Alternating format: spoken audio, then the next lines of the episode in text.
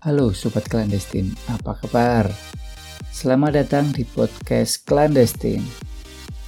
Pertanyaan klasik kalau kita ngobrolin masalah intelijen adalah apa sih yang ada di benak kalian ketika mendengar kata intelijen? Yang biasanya sih dilanjutkan dengan membahas definisi-definisi intelijen menurut para ahli, pandangan para praktisi, dan kemudian definisi menurut peraturan perundang-undangan. Tapi dalam podcast ini, saya ingin memulai dengan pertanyaan yang berbeda. Apa sih pentingnya mengenal intelijen?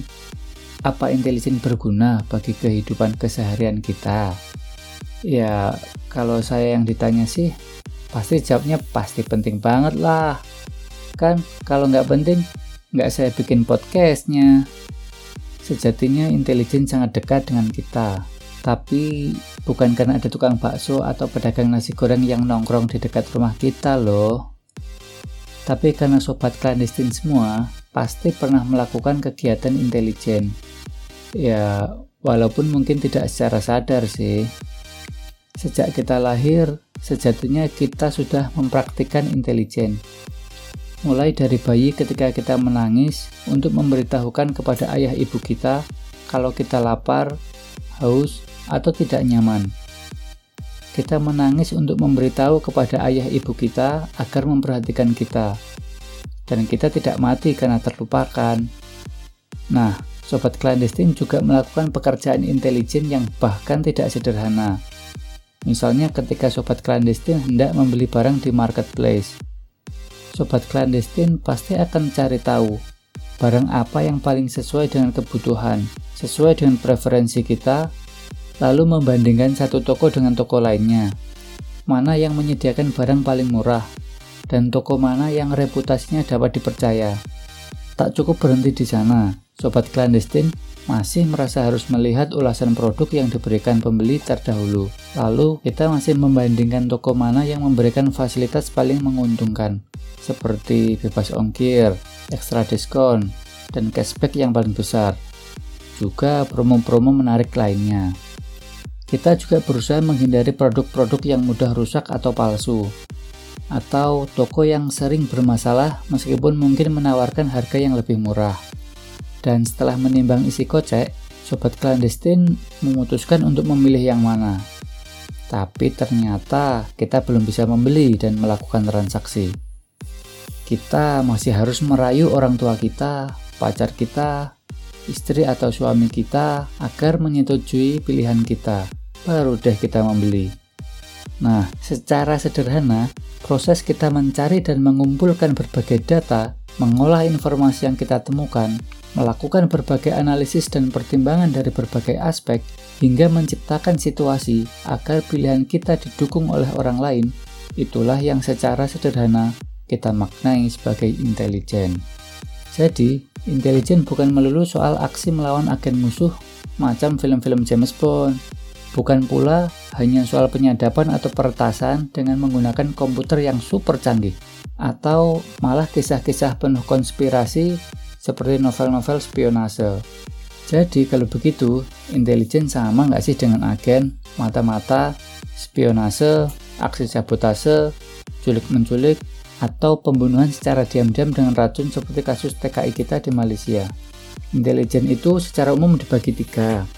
Pertama sebagai pengetahuan, kedua intelijen sebagai organisasi, dan ketiga intelijen sebagai aktivitas.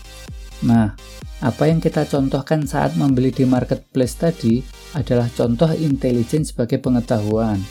Kalau intelijen sebagai organisasi, sobat clandestine pasti sudah tahu Organisasi intelijen tidak hanya terbatas pada BIN, CIA, MI6 atau MI5, Mossad, atau organisasi intelijen negara lainnya. Organisasi intelijen saat ini juga dijalankan oleh lembaga swasta, ya dengan kedok berbagai lembaga keamanan, lembaga konsultan, atau jasa penyelidikan swasta. Di Indonesia sendiri, konon ada puluhan organisasi intelijen swasta yang berbasis di Jakarta.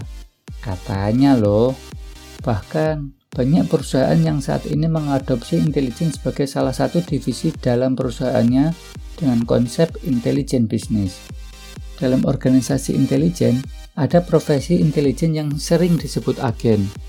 Agen intelijen ini ada dua jenis. Pertama, agen organik yang merupakan anggota dari organisasi intelijen. Dan kedua, agen non-organik, yaitu seseorang yang direkrut oleh organisasi intelijen karena keahliannya, kemampuannya, atau akses terhadap sasaran yang diinginkan oleh organisasi intelijen. Nah, sementara intelijen sebagai aktivitas lebih sering menjadi skenario dalam film atau novel yang kita baca. Aktivitas-aktivitas semacam spionase, trik dan intrik menjebak orang agar tunduk kepada kemauan kita, atau biasa disebut blackmail, aksi sabotase, penyadapan, covert action, atau kegiatan komunikasi clandestine seperti dengan brush pass, personal meeting, dead drop, futos, maupun kartos adalah contoh intelijen sebagai aktivitas untuk intelijen sebagai aktivitas akan kita bahas lebih detail lagi di lain kesempatan ya. Intelijen dalam melaksanakan aktivitasnya sangat tergantung pada maksud dan tujuan operasi yang dijalankannya. Bisa jadi, ia hanya ditugaskan untuk mengumpulkan informasi saja, atau ditugaskan untuk melaksanakan sabotase saja, atau bisa jadi hanya menjadi penghubung antar sel pada jaringan intelijen dengan melakukan komunikasi klandestin. Nah, kalau begitu, agen, spionase, sabotase, penyadapan, covert action, dan komunikasi klandestin adalah bagian dari intelijen. Tetapi, intelijen belum tentu melakukan semua aktivitas itu secara keseluruhan. Jadi, jangan salah ya menyebut seseorang yang melakukan kegiatan spionase sebagai seorang intelijen. Lebih tepatnya, seorang agen. Bagaimana? Masih tertarik membahas lebih dalam lagi? Kalau kalian masih tertarik, nantikan kelanjutannya dalam podcast clandestine ya. See you.